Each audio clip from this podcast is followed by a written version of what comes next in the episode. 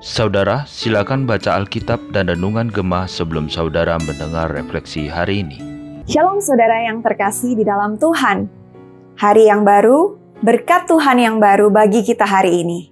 Mari Bapak Ibu Saudara, sebelum kita mulai merenungkan firman Tuhan, bersama-sama kita berdoa. Terima kasih Tuhan untuk anugerah-Mu yang baru bagi setiap kami. Hari ini kami bersyukur karena kami masih diberi kesempatan sekali lagi untuk datang, untuk merenungkan firman Tuhan dan belajar dari firman-Mu. Engkau mau berkati perenungan firman-Mu hari ini, biarlah kami boleh mengerti dengan baik dan itu boleh kami ingat untuk kami lakukan dalam kehidupan kami sehari-hari. Di dalam nama Tuhan Yesus, kami berdoa. Amin. Bapak Ibu Saudara, hari ini kita akan kembali merenungkan firman Tuhan dari kitab Mazmur 101. Penulis Gema memberi judul Pemimpin yang berkenan kepada Tuhan. Saudaraku, Mazmur 101 ini ditulis oleh Daud ketika ia baru menjadi raja atas seluruh suku Israel. Ditulis di dalam Alkitab bahwa Daud ini telah tiga kali diurapi menjadi raja. Yang pertama, ketika ia masih muda dan tinggal bersama ayahnya, dia diurapi oleh Nabi Samuel. Yang kedua, ketika dia diurapi oleh suku Yehuda, diangkat menjadi raja atas suku Yehuda ketika ia masih menetap di Hebron. Dan yang terakhir, dia diangkat menjadi raja atas seluruh suku Israel menggantikan Raja Saul. Jadi Bapak Ibu sebelum ia menjadi raja atas seluruh suku Israel, dia telah banyak belajar dari kehidupan Raja Saul yang sebelumnya telah ditolak oleh Allah. Karena itu saudara, ia tidak ingin mengulangi kesalahan yang sama. Ia ingin hidupnya menjadi raja yang berkenan kepada Tuhan. Mari bersama kita baca kitab Mazmur 101. Aku hendak menyanyikan kasih setia dan hukum. Aku hendak bermasmur bagimu ya Tuhan. Aku hendak memperhatikan hidup yang tidak bercela. Bilakah engkau datang kepadaku? Aku hendak hidup dalam ketulusan hatiku di dalam rumahku. Tiada kutaruh di depan mataku perkara dursila. Perbuatan murtad aku benci, itu takkan melekat padaku. Hati yang bengkok akan menjauh daripadaku. Kejahatan aku tidak mau tahu. Orang yang sembunyi-sembunyi mengumpat temannya, dia akan kubinasakan. Orang yang sombong dan tinggi hati aku tidak suka. Mataku tertuju kepada orang-orang setiawan di negeri, supaya mereka diam bersama-sama dengan aku. Orang yang hidup dengan cara yang tak bercela akan melayani aku. Orang yang melakukan tipu daya tidak akan diam di dalam rumahku. Orang yang berbicara dusta tidak akan tegak di depan mataku. Setiap pagi akan kubinasakan semua orang fasik di negeri. Akan kulenyapkan dari kota Tuhan semua orang yang melakukan kejahatan. Demikian jauh pembacaan firman Tuhan kita hari ini. Nah, saudara sekalian, Mazmur ini menjadi pernyataan Daud sebagai seorang yang telah diangkat menjadi raja, bahwa pegangan hidupnya adalah melakukan apa yang Tuhan suka dan membenci apa yang Tuhan benci. Supaya apa? Supaya hidupnya berkenan di hadapan Tuhan. Dan berharap juga bahwa bangsa yang dipimpinnya boleh menjadi bangsa yang berkenan kepada Tuhan. Bagaimana dengan kehidupan kita saat ini? Saya yakin masing-masing kita diberi peran sebagai seorang pemimpin yang Tuhan tempatkan di dunia. Mungkin sebagian dari kita adalah pemimpin dalam keluarga, atau pemimpin di dalam pekerjaan kita, tempat kerja kita, atau usaha kita. Atau kita adalah pemimpin di tempat studi atau gereja tempat kita melayani. Lalu bagaimanakah selama ini sikap kita sebagai seorang pemimpin?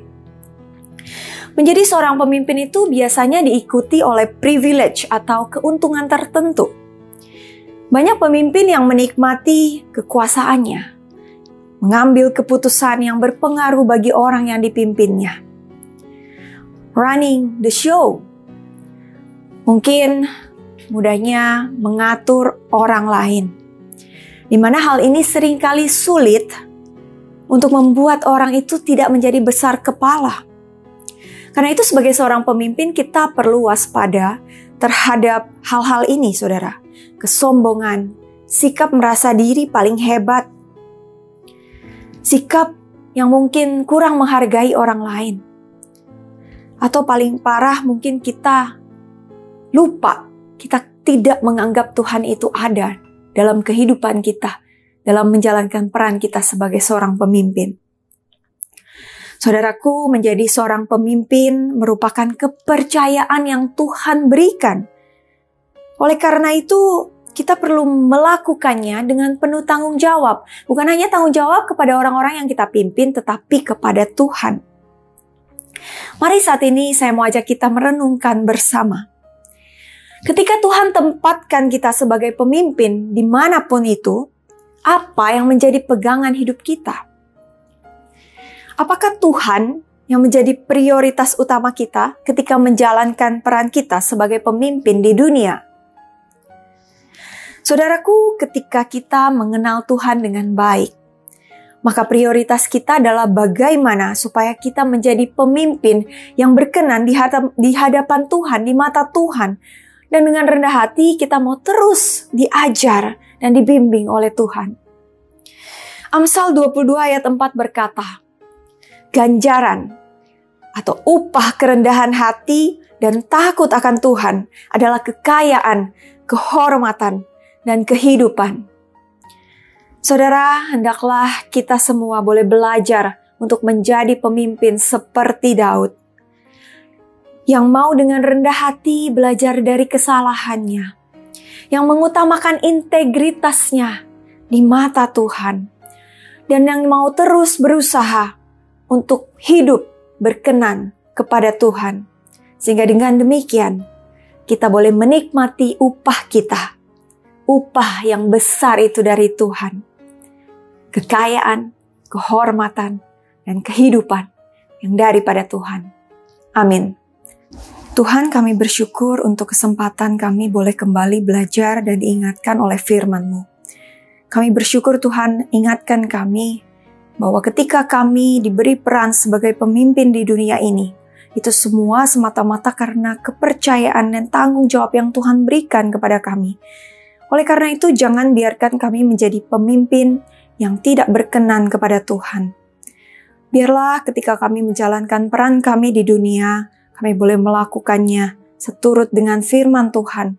Kami boleh memprioritaskan Tuhan dalam kehidupan kami, sehingga kami boleh menjadi pemimpin-pemimpin yang berintegritas, pemimpin yang senantiasa memuliakan Tuhan melalui kehidupan dan peran kami. Terima kasih, Tuhan. Kau memberkati kehidupan setiap kami, aktivitas kami, kami serahkan semuanya ke dalam tangan Tuhan. Di dalam nama Tuhan Yesus, kami berdoa. Amin. Selamat beraktivitas, Tuhan Yesus memberkati.